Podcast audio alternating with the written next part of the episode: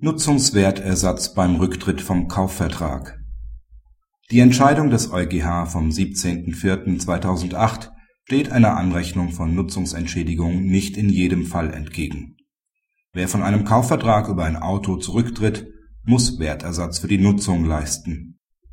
Die Klägerin erwarb vom Beklagten ein Gebrauchtfahrzeug mit einer Laufleistung von 174.500 Kilometern für 4.100 Euro Nachträglich stellte sich heraus, dass dieses Fahrzeug aufgrund eines Unfalls einen Rahmenschaden erlitten hatte und zudem mit nicht zugelassenen Teilen nämlich Reifen, Felgen und Auspuff versehen war.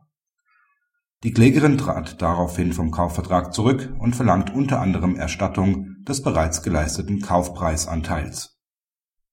Mit dem Fahrzeug hatte sie in der Zwischenzeit 36.000 Kilometer zurückgelegt.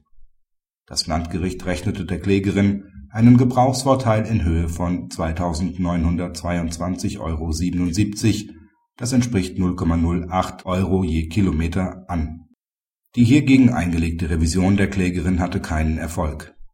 Nach der Ansicht des BgH ist § 346 BGB in der vorliegenden Konstellation mit dem Gemeinschaftsrecht vereinbar.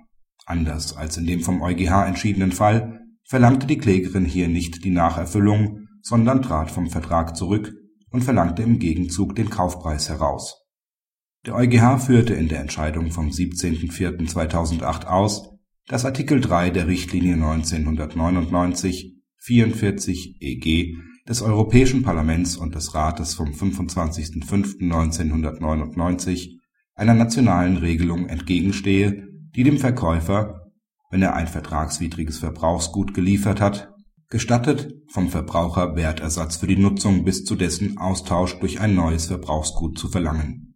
Wesentliches Kriterium für den EuGH, in der angegebenen Entscheidung eine Unvereinbarkeit anzunehmen, war, dass unter Umständen der Verbraucher vom Verlangen der Nacherfüllung Abstand nimmt, wenn er hierdurch Gefahr laufen würde, zusätzliche Beträge aufbringen zu müssen.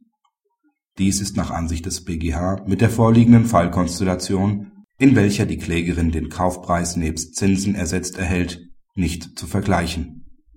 Praxishinweis Im Fall der Mangelhaftigkeit des Kaufgegenstands sollte zwingend darauf geachtet werden, ob gegebenenfalls durch den Mangel die Nutzung des Gegenstands ausgeschlossen ist. In einem solchen Fall müsste dann selbstverständlich kein Nutzungsersatz gezahlt werden.